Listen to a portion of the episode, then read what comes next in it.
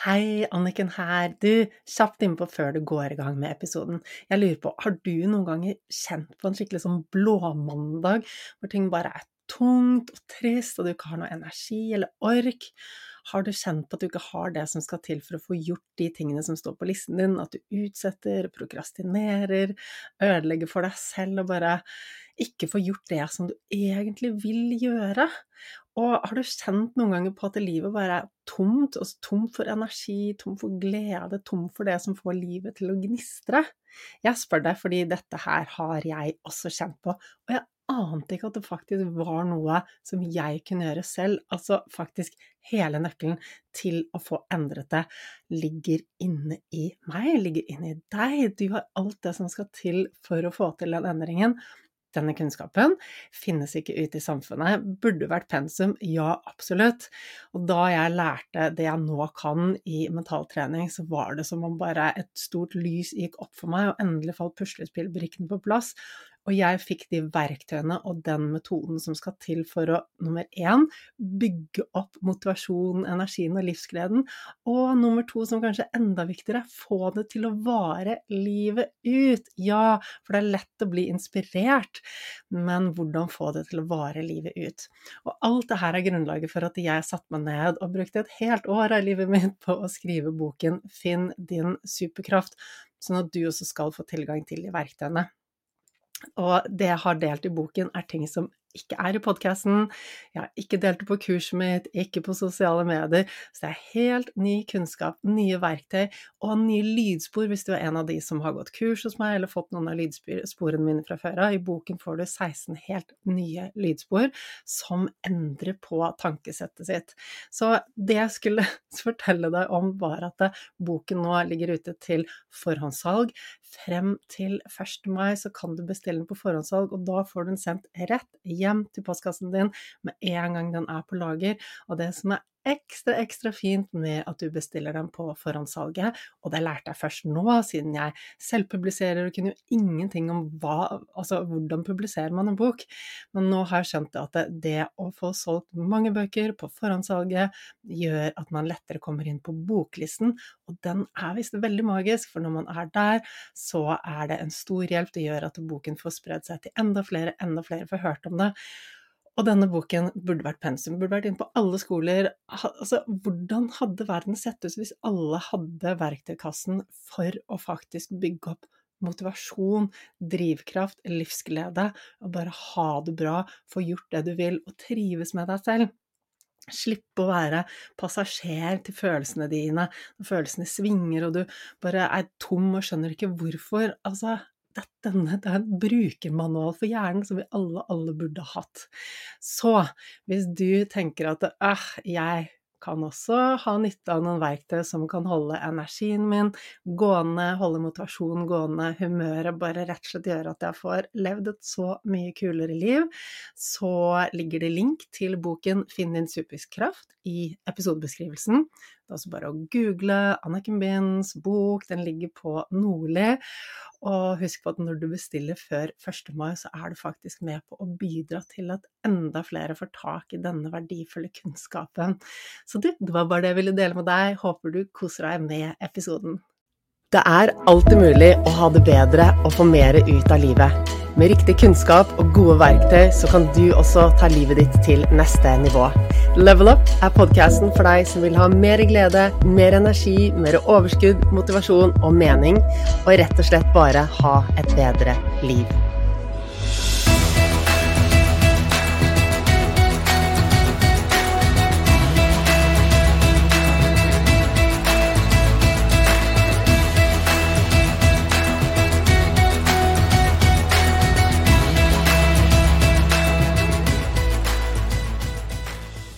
Vi gjør ofte alt vi kan for å unngå motgang. Du har kanskje kjent på det du også, at du går til mange lange omveier for å unngå det som er tungt og slitsomt og vanskelig, eller kanskje skummelt, eller bare ja, rett og slett motgang. Vi er jo faktisk programmert til å ønske oss bort fra motgang, til å ønske å gå den letteste mulige veien, den tryggeste veien, uten slit.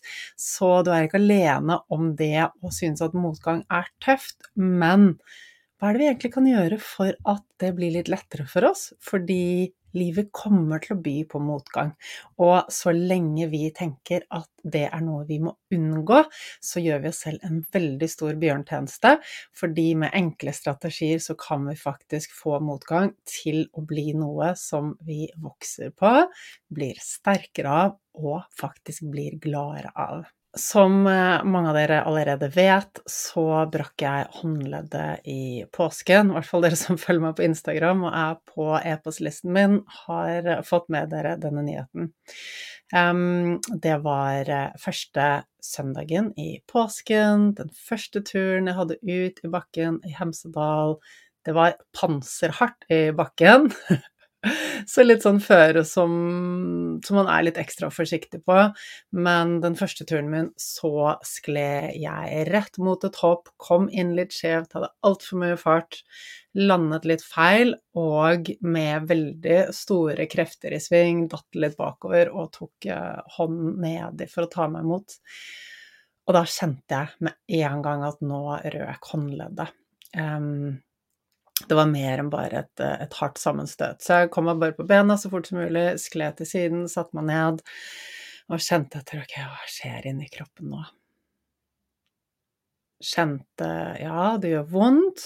Jeg kjente den umiddelbare smerten. Jeg gikk tilbake i hodet mitt og bare spolte ok, hva, hva føles det ut som, hva, hva skjedde inni håndleddet mitt akkurat da jeg touchet ned? Konklusjonen min da var det må være brukket, det vet jeg med en gang. Jeg fikk hentet eh, sønnen min eh, til meg, for jeg var ute og kjørte med han og sa jeg har brukket håndleddet. Ringte til mannen min, og han satte seg i bilen og skulle møte oss litt lenger ned i bakken, så vi bare skled ned dit for å bli plukket opp på lettest mulig måte og kjøre til legevakten. Mens jeg satt der da på siden, så kjente jeg etter de reaksjonene som skjedde i kroppen. Hjertet gikk fortere, pulsen økte, jeg begynte å svette. Jeg kjente på en enorm kvalme. Eh, og satt der bare, og da går jo alle mulige tanker gjennom hodet. Bare å nei, ok, hva betyr dette nå? Hva, hva kom, hvordan kommer det til å påvirke alle planene jeg har fremover i tid? Og det er litt morsomt, for jeg delte akkurat dette, disse observasjonene jeg hadde, det at jeg på en måte distanserte meg litt fra hele greia, så meg selv litt utenfra. Ok, hva var det som egentlig skjedde? Hvilke, hvilke fysiske reaksjoner skjedde i kroppen min? Smerte, kvalme, følelser, stressreaksjoner. Jeg er nysgjerrig, og jeg drives av læring. For meg handler alt om læring. Så det å innta et sånn nysgjerrighets- og læringsperspektiv gjorde at jeg lett kunne distansere meg fra hele hendelsen. Og dette delte jeg også på Instagram, og så fikk jeg en kommentar litt senere fra en som sa 'Å, jeg så det du delte', og eh, det trigget meg veldig, og det fremsto som så innmari sånn positivistisk greie at alt bare skal være lett og fint og greit. Og så hadde hun vært veldig syk, og så hadde hun, selv om dette hadde trigget henne, så hadde jeg nok vekket en nysgjerrighet, for hun hadde også da prøvd etter noen dager å møte seg selv og se seg selv utenfra, observere ok, det og det skjer i kroppen. Og hun sa at det, tusen, tusen takk, fordi det å kunne ta et skritt ut fra seg selv og ikke på en måte være følelsene, men istedenfor bare se ok, men det er helt normalt at jeg føler meg sånn, jeg er syk, det og det skjer i kroppen, det fører til at jeg føler meg sånn. Det er ikke krise, det er helt normalt. Det at hun klarte å gjøre det, gjorde at hun klarte å takle det på en så mye bedre måte. Det var så mye bedre for henne å stå i det. Så jeg må bare applaudere eh, du som sendte den meldingen. Nummer én for at du var ærlig og sa fra. Nummer to for at du gikk inn i det som trigget deg. fordi det er jo sånn at når noe trigger oss, så er det et tegn på at ok, her har vi kanskje noe vi kan jobbe med. Og også applaudere for at du faktisk prøvde og så at det, det, her er ikke så vanskelig, og det her kan jeg få til. Nå må jeg også si, eh, som jeg delte med dere som er på e-postlisten min, det er jo at vi er jo forskjellige, og det som er standarden for meg er ikke den standarden du bør hige etter. Det at jeg kan tryne på topp, kjenne bang, der vet jeg at jeg har brukket håndleddet. Å være helt rolig, fortsatt smile og bare observere meg selv i det, det handler om mange ting. Ene tingen er at vi genetisk er skrudd sammen forskjellig. Noen av oss takler press og stress bedre enn andre. Um, og så handler det om hvor trygge vi er i oss selv. Det handler om erfaringen vår. Har vi vært i stressende situasjoner før? Jeg har tøyd stressstrikken veldig langt. Jeg har vært i veldig heftige situasjoner. Så jeg er vant til å være rolig selv når jeg balanserer på en fjellkant uten noe sikring, og det er 1000 meter rett ned. Jeg er vant til å være rolig når det skjer heftige ting, fordi jeg har erfaring med det. Jeg har gjort det igjen og igjen og igjen. Og jeg har brukket ankelen min to ganger, begge bena. Og den ene gangen så knuste ankelen, altså foten hang helt løst, benpipen sto på innsiden og skrapte på huden og truet med å ta hull på huden. Og da var jeg i Venezuela, jeg bodde der et halvt år eh, og gjorde feltarbeid til hovedoppgaven min. Jeg var mange timer langt ute på landet humpete, humpete bilvei som skulle ta meg tilbake til Caracas. Så det var jo um, Det her er jo bare en piff i forhold til det jeg har vært gjennom før, ikke sant. Um, datteren min brakk ben i fjor, mannen min tok benet året før, sønnen min for noen år siden. Um, så jeg har erfaring med at ok, det her skjer når du har en aktiv livsstil. Og nå må jeg si at nå har jeg kjørt snowboard i 13-14 år, og det er den første skaden jeg har hatt. Så egentlig så var det litt på tide. Det er normalt, det er veldig fort gjort at man setter ned hånden litt feil. Um, og skader seg. Så min læring er jo ikke at jeg skal slutte å kjøre på hopp, men at jeg skal øve meg på å falle på en måte hvor jeg ikke tar meg for med håndleddet. Og øve meg litt på hvordan jeg kjører inn på hoppet, sånn at jeg kommer rett på, ikke lander skjevt, og da har jeg mye mer kontroll. Så det var en del ting som bare gjorde at jeg, hodet mitt var ikke til stede, jeg bare skled litt rundt, var isete rett før hoppet, svingte liksom litt for langt ut til siden før jeg kjørte opp på hoppet, da kom jeg en skjev, Sånn, sånn lang eh, Altså en lang rekke av ting som bare var klønete, hvor jeg ikke var på, som førte til at dette skjedde. Og så kan nå jeg sitte og tenke 'Å, hvorfor gjorde jeg det? Jeg burde heller gjort det. Jeg burde ikke kjørt på hoppen første turen, og det var hardt', ikke sant? Men de tankene der endrer jo ikke noe på det som har skjedd. Så skjedd er skjedd, og gjort er gjort.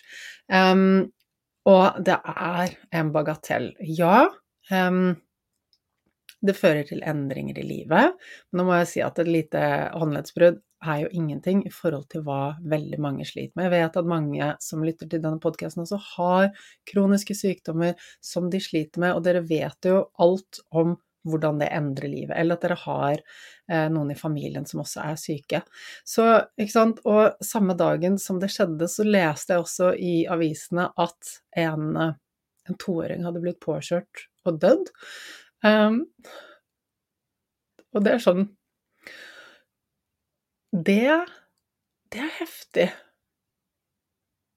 Det er det, det, er skikkelig, skikkelig Det er en ting som aldri kommer til å gjøre livet likt igjen. Når noe sånt skjer med oss, så er det et sår som er med hjertene til de involverte for resten av livet. Men mitt håndleddsbrudd, det har jeg nesten glemt. Nå er det en uke, to dager siden det er en bagatell. Men det er jo lett når vi er i noe og føler at det, ting blir altoppslukende, at dette er liksom det gjelder liv eller død her og nå, ting blir veldig viktig. Veldig ofte så er det når vi er i mye stress, så evner vi ikke å utvide perspektivet og se litt lengre. Og da blir det vi har her nå, det blir så stort og så viktig. Så vi har mye å vinne på å redusere stress, og vi har mye å vinne på å øve oss og utvide perspektivet. For la oss si at du havner i noe, om det er at oppvaskmaskinen er ødelagt, så du må ta oppvasken for hånd hver dag, og det gjør noe med stressbalansen, tidsskjemaet hjemme. La Kanskje det er at du har takeaway-kaffekoppen i hånden på vei til bussen, og så må du løpe fornøyd forsinket, og du søler kaffe over hele den hvite blusen og skal inn i et møte. Det er mange ting som kan være motgang. Kanskje du får beskjed om at du har mistet jobben. Det kan være veldig mange ting som dukker opp i livet ditt som kan oppfattes som motstand. Noen mindre, noen større. Men uansett hva det er vi havner i, så er jo det felles at vi trenger å utvide perspektivet litt og se oss selv litt utenfra, og se det her litt utenfra. Så en veldig fin ting å gjøre Jo mer du jobber med mentaltrening, har du vært gjennom kurset mitt, så har du også begynt på denne reisen og begynner å se at ok, jeg kan se ting på en annen måte. Og det er hele nøkkelen til et lykkelig liv, et liv hvor du får gjort de tingene du vil gjøre, hvor du har det bra med deg selv. Hele nøkkelen er denne mentale fleksibiliteten, som betyr at du kan skifte perspektiv, at du kan se ting på en annen måte. Er du ikke der nå, så er det helt, helt, helt fint, men du kan øve deg og komme nærmere og nærmere dit. For å komme dit så trenger vi å bygge opp indre styrke og indre trygghet. Vi trenger å ha det bra med oss selv. Og jo tryggere vi er oss selv, jo lettere er det å se ting fra et annet perspektiv. En fin øvelse som jeg liker å gjøre, er rett og slett å bare ok, ja, bang, der er du i et eller annet problem som kan bare virke altoppslukende akkurat der og da. Når vi er stresset, så kommer skylappene på, vi, vi klarer ikke å gå inn og innta et annet perspektiv. Så vi blir veldig lett bare sittende fast i 'dette er et stort problem, og jeg ser ikke noe annet'. Men det som kan være fint, er å bare zoome litt ut. Du er der kanskje du er inne i huset ditt eller på jobben din med problemet ditt, og så bare trekke bevissthetsnivået ditt litt ut av det bygget du er i. Se deg selv ovenfra. Sveve over huset eller over bygget eller hvor du nå er. og så ser jeg ok, ja, da får jeg utvidet perspektivet. Jeg ser at jeg er én person av veldig mange disse andre personer rundt omkring. Ja, jeg har en utfordring, men nå får jeg det litt på avstand. Så kan vi zoome enda litt lenger ut, og ser vi plutselig alle andre menneskene i hele landet vi er i, og ser hva som skjer der. Zoome enda lenger ut og se hele verden under en helhet. Zoome helt ut. Vi er oppe i universet og ser ned på jordkloden. Og når vi kommer dit, så ser vi ofte at ok, det som jeg sliter med, det er kanskje ikke så veldig stort i den store sammenhengen. Og bare det kan ta bort mye press. Og nå sier ikke jeg at vi ikke skal liksom kjenne på noen følelser av tristhet, eller liksom det at det er vondt eller tungt. Vi har lov til å kjenne på de følelsene. Vi er mennesket. Det er helt naturlig at vi kjenner på frykt eller stress eller tristhet eller irritasjon, frustrasjon. Det er helt normalt at disse følelsene dukker opp. Men vi trenger ikke være med ned i det svarte kaninhullet. Vi trenger ikke la de følelsene bestemme. For det er en grunn til at de følelsene kommer der. Og da trenger vi å gå inn i følelsene og spørre ok, hva er det som ligger bak? Så i denne prosessen med med at jeg brakk armen, så har det dukket opp masse følelser. Plutselig bang, så kommer det litt frykt. Ok, hva om det ikke blir bra? Hva om eh, det og det skjer? Hva skjer da? Ikke sant? Og det jeg gjør da, er å face det, ok? Nummer én, vi skal ha disse bekymring, frykt, verstefallstanker. De skal dukke opp. Det er hjernen vår sin jobb å finne fram til de men vi trenger ikke la de dominere, ikke sant? Så gå inn i okay, den følelsen som dukker opp, denne tanken hva, hva, er liksom, hva, er det som ligger bak? Hva er årsaken til at jeg føler på det nå? Det ligger en beskjed bak, et eller annet behov vi har, en eller annen beskjed, og den kan vi gå inn i og møte og se at ok, jeg var kanskje litt bekymret for det eller det, hva skjer hvis jeg ikke får full funksjon i hånden min igjen? Ja, nei, men da må jeg tenke på andre alternative ting å gjøre. Ikke sant? Og for min del så hadde jo jeg eh, planlagt og satt intense jobbuker, du aner ikke, og sett frem til én uke og gjøre det beste jeg vet, være med familien på fjellet og kjøre snowboard. Og så skulle jeg hvile masse og ikke jobbe. og så kom jeg dag nummer én av ferien og bare bang, Nei, men universet hadde en annen tanke.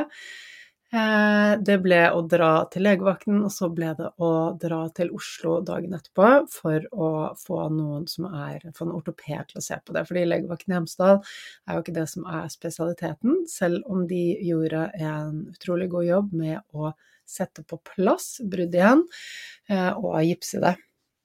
Men de, trengte, de ville at jeg skulle dra og sjekke og få en ortoped til å se på det. eh, i forhold til hvordan bruddet sto da, og om det trengtes operasjon. For det de sier at veldig ofte, så selv om du klarer å sette det på plass, så er det ofte sånn at det sklir fra hverandre. Så eh, jeg dro jo til legevakten i Oslo på mandagen, og da sa de at vår eh, protokoll når det gjelder unge mennesker Og det var så deilig å si at de sa unge mennesker, for jeg er 46 år gammel. Og det som er morsomt, er at det, før husker jeg at det, jeg syns alltid leger og sånn var så mye eldre enn meg, og nå er alle yngre enn meg. Og jeg aner ikke hva som har skjedd, for jeg har i hvert fall ikke blitt eldre. Nei, nei, en liten digresjon, men det var litt morsomt. Så eh, deres eh, De opererer alltid fordi faren for at ting sklir fra hverandre er så stor. Så jeg kom til Oslo på legevakten der, fikk veldig rask og fin eh, oppfølging, og så ble jeg sendt videre til Diakoniumet, hvor jeg sogner til. Eh, og fikk møte ort ortoped der, og de hadde tenkt å ta meg inn til operasjon den dagen, fordi de anbefalte det, men så var det kommet inn så mye akutt. Så da skulle jeg være på standby til, eh, til neste dag. Og da dro mannen min tilbake til fjells, og jeg ble igjen alene i Oslo. Og da Jeg kunne blitt med han opp til fjellet igjen, men jeg kjente at jeg var helt skutt etter å ha tatt eh, håndleddet dagen før, og så sittet i bilen og så sittet på legevakten i timevis og ventet, på, først på legevakten og Diakonhjemmet, så var jeg egentlig bare sånn Jeg hadde bare lyst til å sove, så det blir med mannen min opp til Hemsedal igjen for å så kjøre ned dagen etterpå. Jeg bare Nei, det er jo ikke smart for noen. Du drar opp, og jeg blir igjen alene i byen. Og akkurat da kom det en sånn liksom følelse av tristhet. Bare ok, jeg hadde gledet meg sånn til å være borte på fjellet. Jeg liker best å være på fjellet. Nå skal jeg tilbake hjem alene, ikke sammen med flokken min. Og så dukker den følelsen av tristhet opp. Og det som vi veldig lett gjør da, er å bare Å nei, ok, den er ubehagelig, jeg må bort fra den, jeg må fikse det på et eller annet vis. Men jeg gikk inn i den og tenkte at ok, hvor kommer det fra? Jo, nei, men det kommer fra det, den tanken jeg hadde om at eh, påsken skulle bli så fin fordi jeg skulle gjøre de og de tingene som jeg liker. Men vent litt, når jeg er alene hjemme nå, hva er det jeg kan gjøre da? Jo. Og så så jeg at den tiden kan fylles med så mye som er bra for meg, som gir en følelse av mening. Og selv om jeg var alene, så må jeg jo helt ærlig si at jeg nøt det skikkelig. Jeg fikk masse meldinger på Instagram av dere som bekymret dere for hvordan det gikk med meg. Men jeg hadde jo en av de tingene jeg virkelig ønsket å gjøre i påsken, var å koble helt av og flate helt ut. Og det å være alene hjemme Ingen du må lage mat til, ingen du, ingenting som må ryddes opp, du trenger ikke dusje, du trenger ikke forholde deg til noen, bare være helt alene. Så jeg lå og sov, leste bok, hørte på et nytt eh, nettkurs som jeg har kjøpt meg, satt ute på terrassen, fikk litt sol i ansiktet, gikk en liten tur Altså, jeg hadde det så fint! Men den umiddelbare følelsen var tristhet, og det var jo tristhet fordi jeg måtte gi slipp på det som jeg hadde ønsket å putte inn i den uken. Og da kan, kunne jeg ha valgt å holde fast på ja, men jeg ville at det skulle være sånn, og nå er jeg lei meg for at det ikke ble sånn, istedenfor å tenke at ok, men vet du hva, nå er det noe nytt jeg kan velge å fylle tiden min med. Og det er også en, en av de viktige prosessene som jeg gikk gjennom akkurat da uh, dette bruddet skjedde. For det var sånn ok, jeg har um, masse planer, som vanlig, og ting jeg skal gjøre. Uh, aktiviteter, surfing, masse spennende. Og det å plutselig uh, måtte hvile, plutselig ikke kunne bruke høyrearmen min, som er den jeg skriver med, det var sånn ok, jeg skal skrive bok nå, eh, jeg har planlagt å gjøre det og det og det, ok, men hva er det jeg kan gjøre? Jeg kan ikke gjøre noen av de tingene jeg hadde planlagt å gjøre, men det er jo veldig spennende fordi jeg lærer noe nytt. Jeg lærer noe nytt om meg selv. Jeg må forholde meg til livet på en annen måte. Jeg må forholde meg til meg selv på en annen måte. Jeg var nødt til å roe mer ned. Lese mer bok enn jeg hadde planlagt, ligge mer på sofaen enn jeg hadde planlagt. Og jeg har nå kommet dit i min utvikling at jeg vet at læring og utvikling, vekst, er nøkkelen til at jeg er lykkelig. Og hvis ikke du oppdaget det hos deg ennå, så får du bare glede deg til du kommer dit hvor du skjønner at ok, men det er læring og vekst som gjør at du har det gøy i livet ditt. Og noen andre ting også, men det kan vi komme tilbake til senere. Og jeg har kommet dit hvor jeg elsker endring. Jeg elsker usikkerhet. Jeg elsker når livet tar uvante veier. Fordi ja, jeg hadde planlagt masse kule uker foran meg. hvor Jeg skulle dra og surfe oppe til Stad, og så skulle jeg dra og surfe noen, eh, noen andre steder. Kanskje det blir noe, vi får se. Um, noen av de tingene. Jeg hadde lagt masse, masse planer, og da er det sånn, ok, på sekundet så må jeg gi slipp på de. Og istedenfor finne et annet fokus, noe annet jeg kan få ut av den tiden. Og det er så mye spennende jeg kan gjøre, så mye meditasjonsteknikker som jeg ennå ikke har utforsket, pusteøvelser, tøyeøvelser, online-kurs, bøker, bare det å være i ro, bare det å måtte endre livsstil. Ja, men det er kjempespennende!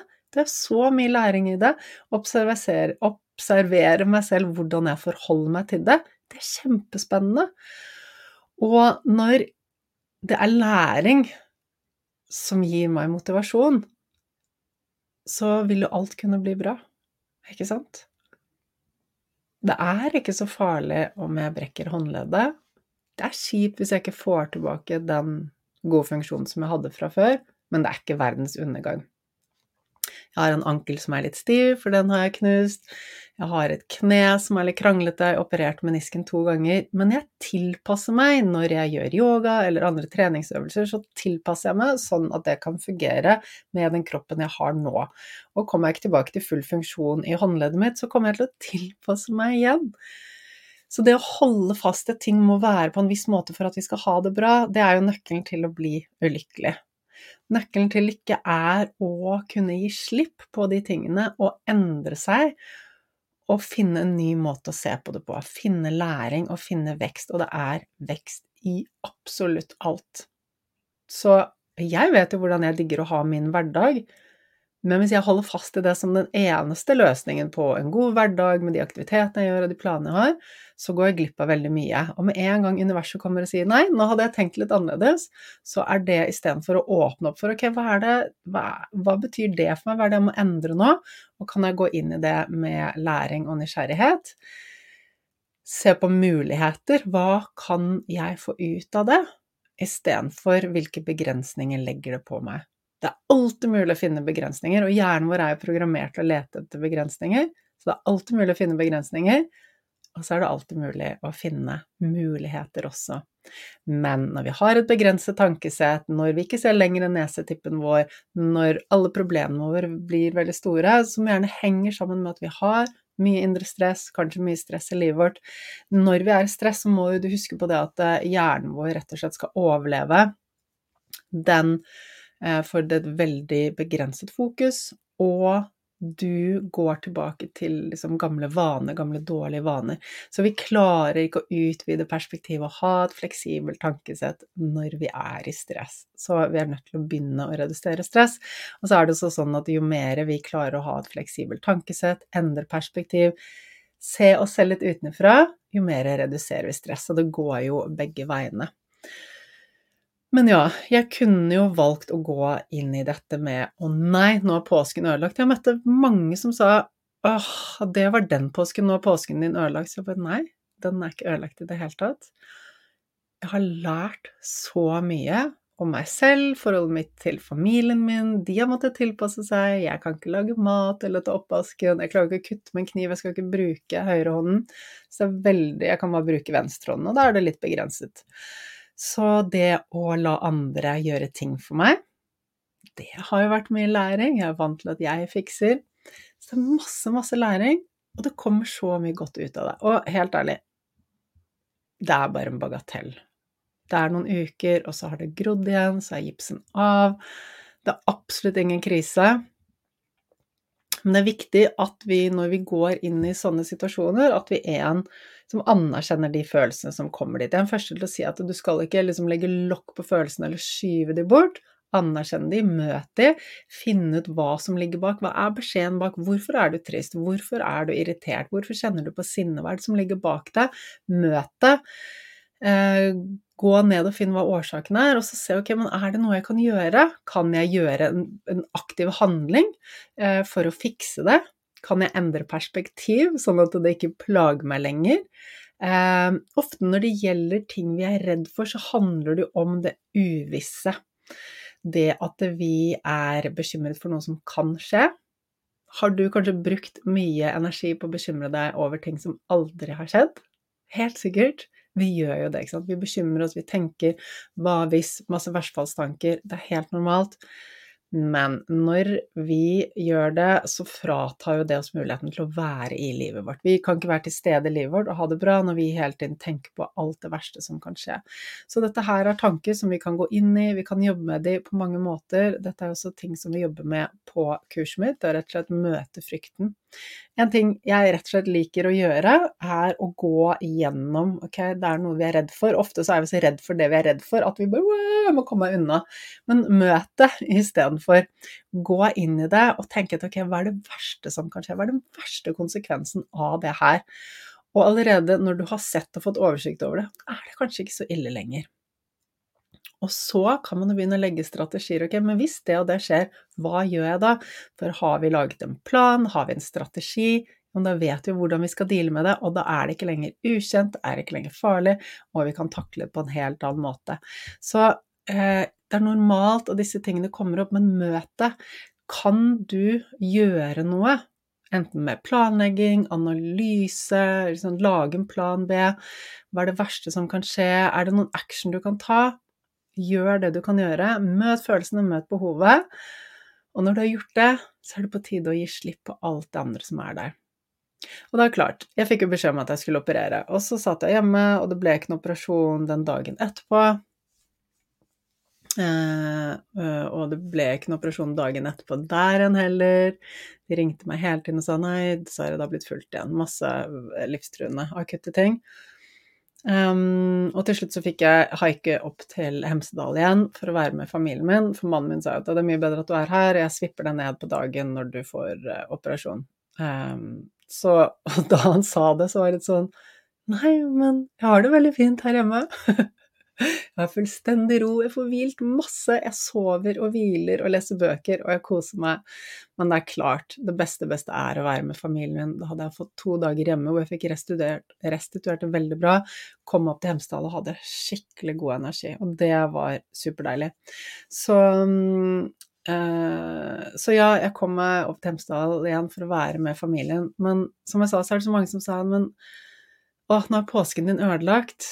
Men den var aldri ødelagt. Jeg har hatt verdens beste påske fordi jeg har lært så mye, og jeg har gjort så mye av de tingene som er viktige for meg.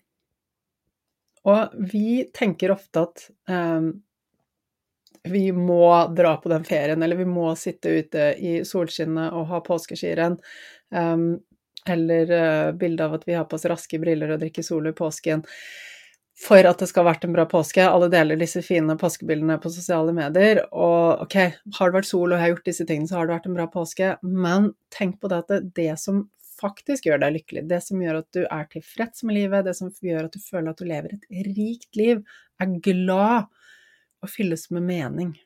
Det er at du lever etter verdiene dine og gjør de tingene som er viktige for deg, nemlig de tingene som gir deg en følelse av mening. Og det er ikke å vise seg frem på sosiale medier eller ha den perfekte påsken eller få lov til å kjøre snowboard hver dag eller gjøre de tingene. Det er når vi fyller livet med det som er meningsfylt med oss. Så de dagene jeg var hjemme alene i byen, jeg gjorde masse meningsfylt.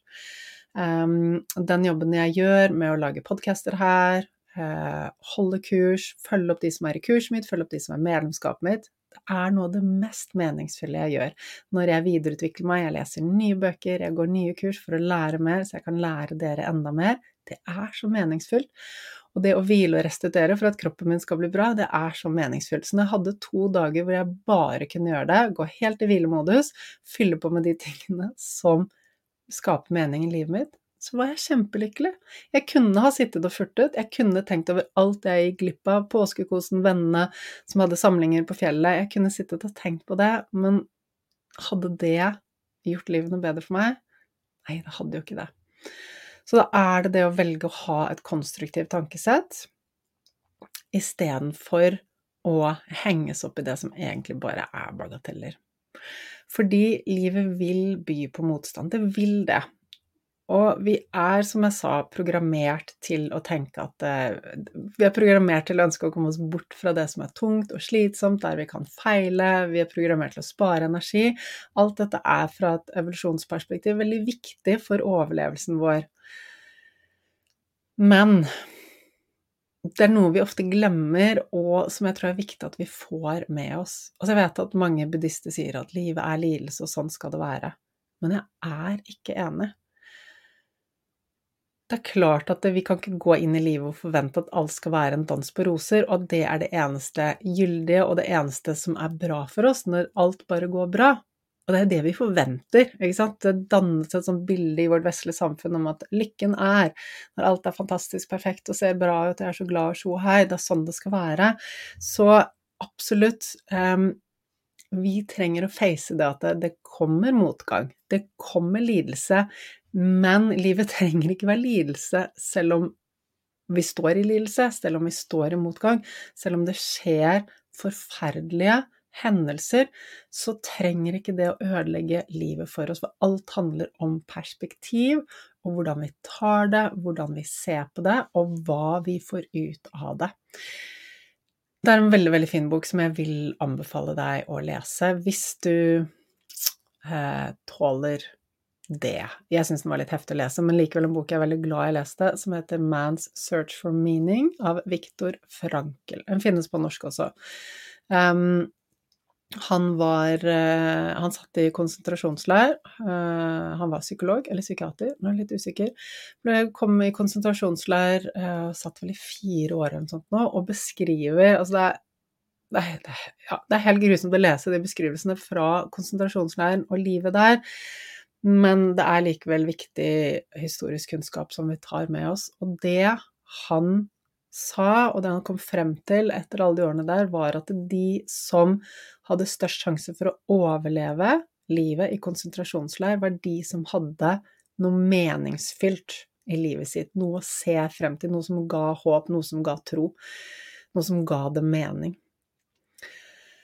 Og han så at de som ikke hadde noe å leve for, de ble oftere De holdt ikke ut like bra eh, når de ble syke, de ble oftere syke, døde oftere av sykdommen, og de var de som også i større grad tok livet sitt. Mens de som hadde noe å leve for, de hadde denne indre gnisten som ga dem det de trengte for å holde ut gjennom den tiden. Og det er veldig viktig lærdom å ta fra det, fordi at livet kan være så forbanna tungt som bare det. Men har vi noe som gir oss mening likevel, så kan vi tåle veldig, veldig mye. Og noen ting kan være ekstremt vanskelig å finne mening i. Jeg, jeg skjønner det, og det er ikke alltid meningen at vi skal liksom Å ja, nå skjedde det noe. Ok, men jeg skal bare finne noe meningsfylt i det og endre perspektivet litt, og så blir alt bra. Det er ikke det. Noen ganger trenger vi år, noen ganger trenger vi mange år på å komme dit hvor vi kan liksom se ting fra et annet perspektiv, og det er lov. Vær, vær raus med deg selv. Er du i noe tungt, så er det også helt, helt greit å være der så lenge du trenger å være der. På et eller annet tidspunkt så kan vi ta med oss motgangen og skape den til vekst og utvikling når vi er klar for det. Um, men denne um, antagelsen om at uh, livet er best når vi ikke har motgang, og ting er best når vi bare seiler på medvind, det er noe som vi trenger å legge fra oss hvis vi ønsker å ha det godt i livet. Fordi livet byr på motgang, det byr på lidelse, det byr på kjipe opplevelser, men det trenger ikke bli lidelse ut av det for det. Fordi hvis vi er forberedt på at det kommer motgang, og hvis vi lærer oss å like motgang, så blir livet mye lettere å takle. Og jeg har kommet dit, og jeg tror du også kan klare å se dette. La oss si at hvis alt bare fløt til deg, alt bare var lett og kom din vei og bare landet i fanget ditt, og du hadde masse penger, så fantastisk ut, og et fint hus og en fin karriere, alle de tingene du drømmer om, alt det bare var på plass, du hadde ikke måttet jobbe for det. Hadde du vært glad? Mest sannsynligvis ikke. Eller, du kunne gjort ting i livet som hadde gjort deg glad, men det er ikke det som hadde gjort deg glad. Fordi det som gjør oss glad, er helt andre ting enn å bare få, og at livet er lett.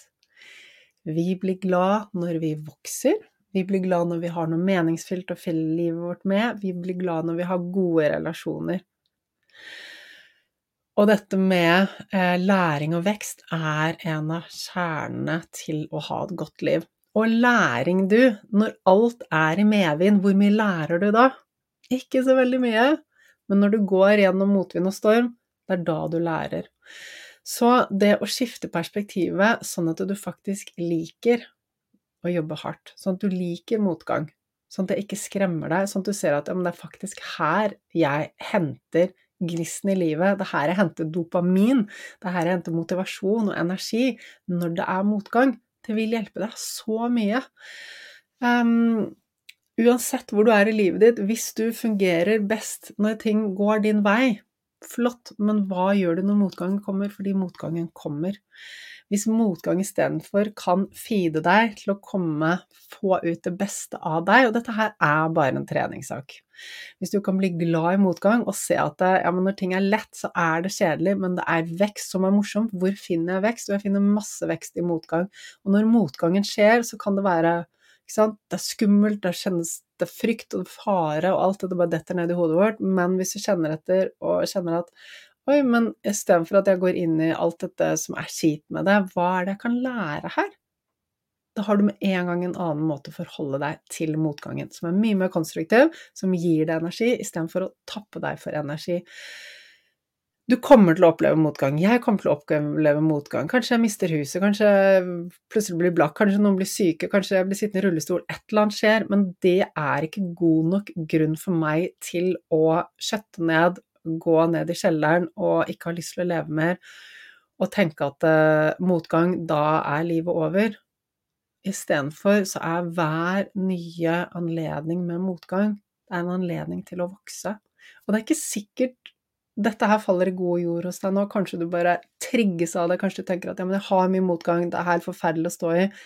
Ja, anerkjenn det, det er lov, men likevel så er jeg her for å utfordre deg litt, hvis du ikke blir utfordret, så lærer du ikke. Hvis du blir ikke utfordret, hvis du ikke blir utfordret, så utvikler det ikke. Hvis du ikke blir utfordret, så kommer du ikke til å komme videre. Så jeg vil bare oppfordre deg, utfordre deg til å finne læring i alt du står i. Motgangen spesielt. Lær deg å like motgangen. Lær deg å bli glad i den. Og vi drømmer om Vi har så mange drømmer. Vi drømmer om å kanskje ha en fantastisk karriere, bygge et stort, fint hus, eh, tjene penger, få en drømmekropp. Og så kommer tanken om all eh, jobben vi må gjøre for å komme dit, og så mister vi piffen. Men vet du hva, vi kan trene oss opp til å bli glad i å gjøre jobben istedenfor bare til å tenke på målet. Fordi når du når målet ditt, hva så? Da hva skal du fylle tankene dine med da? Det er veien til målet som gir deg mening.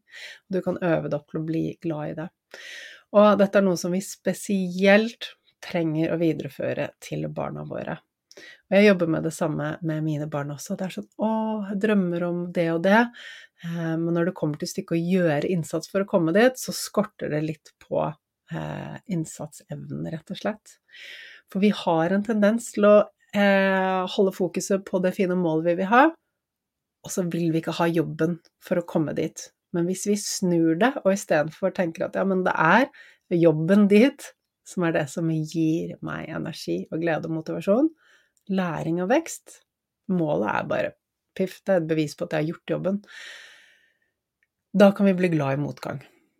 Så all motgang kan gjøre deg sterkere, kan gi deg utvikling, kan gi deg vekst, og du kan bli glad i motgang og da kommer livet til å bli mye, mye lettere å takle.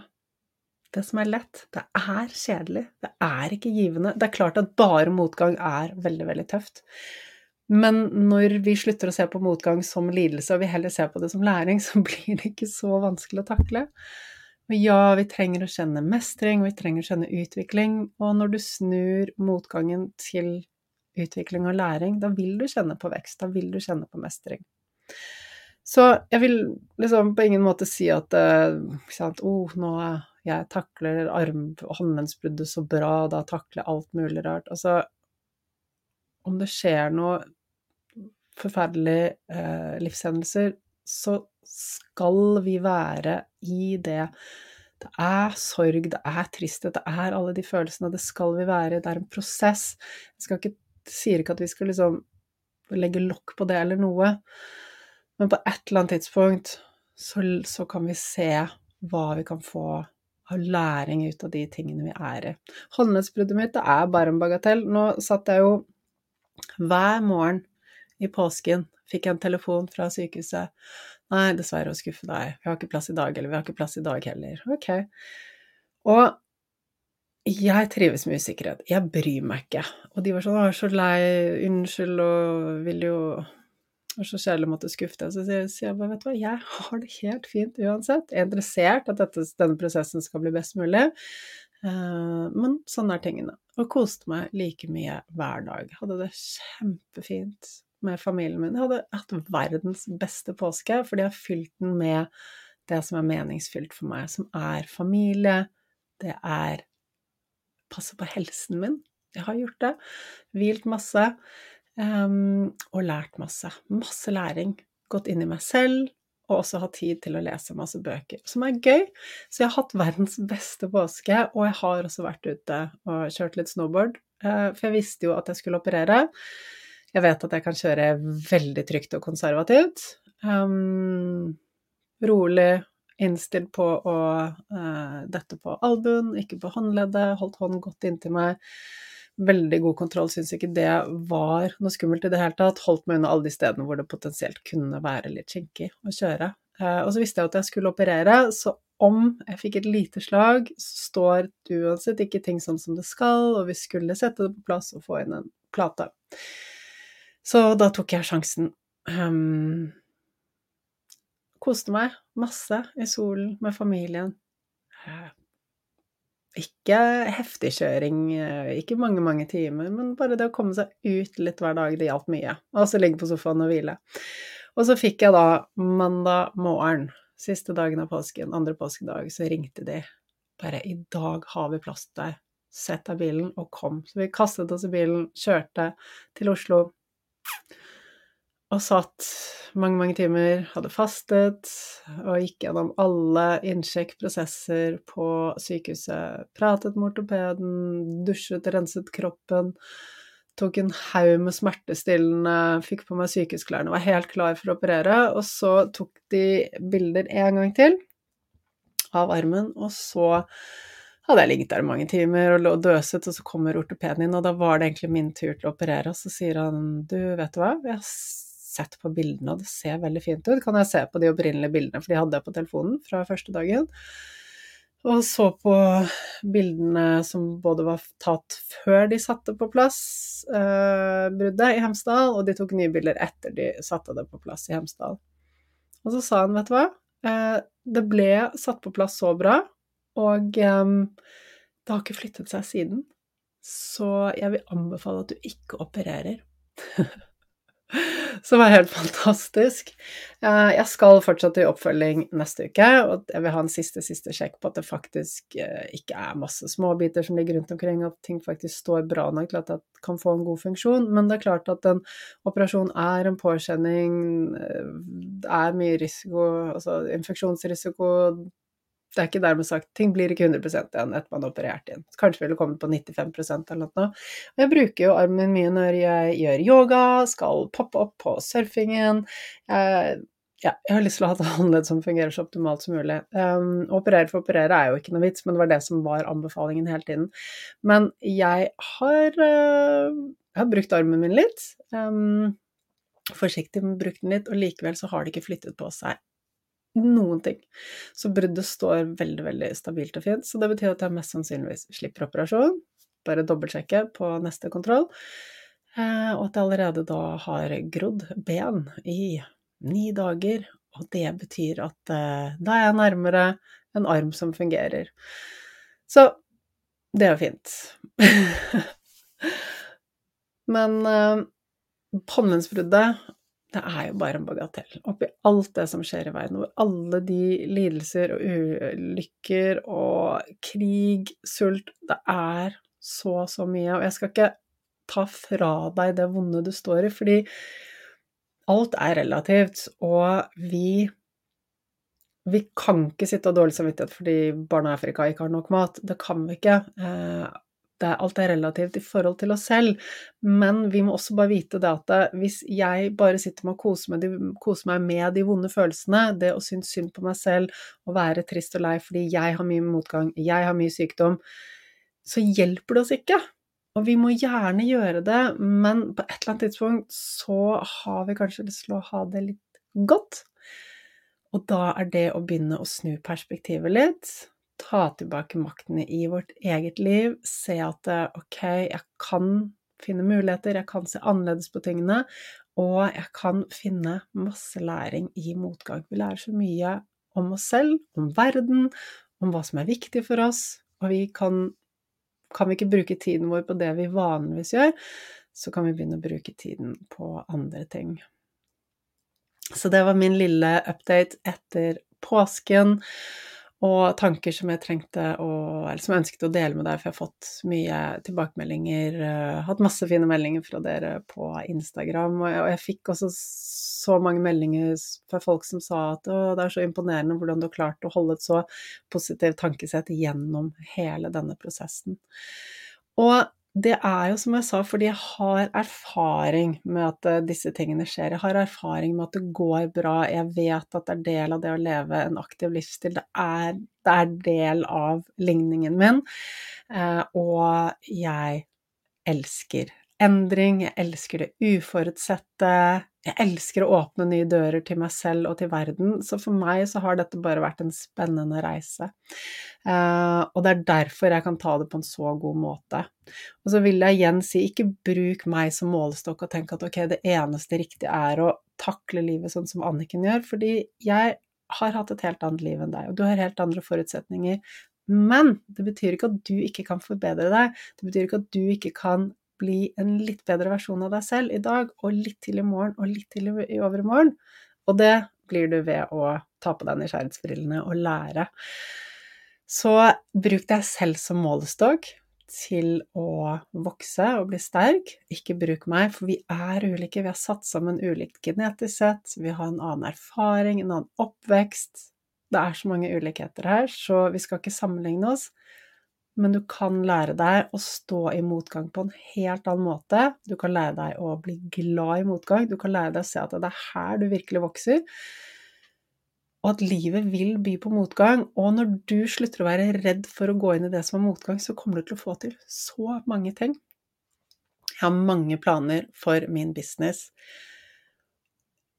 Mange, mange planer. Og når jeg tenker på det, så blir jeg sånn Å, spennende. Og noen ganger så kommer tanken Å, herregud, det er så mye jobb for at jeg skal komme dit. Og da blir jeg sånn Nei, kanskje jeg bare skal droppe det. Men så vet jeg også at hvis ikke jeg utfordrer meg og vokser, så kjeder jeg meg. Da er det ikke noe spennende. Det betyr ikke at jeg hele tiden bare må uh, være i vekst. Men jeg kan ikke stagnere heller. Jeg kan ikke resignere. Jeg, jeg har en mission og jeg gjorde en øvelse her, da hadde disse to dagene hjemme i påsken. Gjorde en øvelse på å komme i dybden på hva min mission er, min purpose, og da kom det opp at jeg vil få slutt på all lidelse. Som eh, er ganske stort. Men hvis jeg har den drivkraften, så kan ikke jeg bare si ja, men jeg tar til takke med sånn businessmodellen min er nå, og ikke vokse, fordi jeg vet at det er så mange der som trenger denne kunnskapen. Jeg vet at jeg kan. Og jeg vet at motgang er gøy. Det er jobb som er gøy. Hvis ting bare er lett, så er det ikke noe gøy. Det er ikke noe tilfredsstillende. Så bare ta med deg det her. Vit at alt er godt ment. Um, jeg vet at du kan sitte i noen veldig tøffe ting nå, la akseptere at det er tøft. Og på et eller annet tidspunkt så er du klar for å finne læring i det, og vekst og utvikling. Et annet perspektiv, og komme deg videre men det er ikke nødvendigvis akkurat nå. Vi er alle forskjellige, situasjonen vår er alle forskjellige.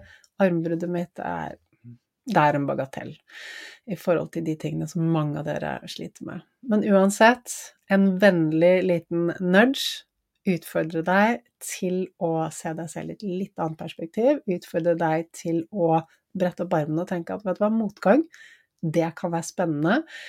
Eh, livet trenger ikke være lidelse. Det handler om hvordan vi ser på tingene, hvordan vi tar tingene. Det handler ikke om hva som skjer med oss. Så du, jeg håper du tar med deg dette inn i livet ditt, er litt mer nysgjerrig på deg selv, utfordrer deg litt, deler denne kunnskapen videre. Tusen, tusen takk til alle som går inn og gir en rating i iTunes. Legger igjen tilbakemelding. Det hjelper oss til å få dette viktige budskapet ut til enda flere. Gleder meg til å se deg neste uke.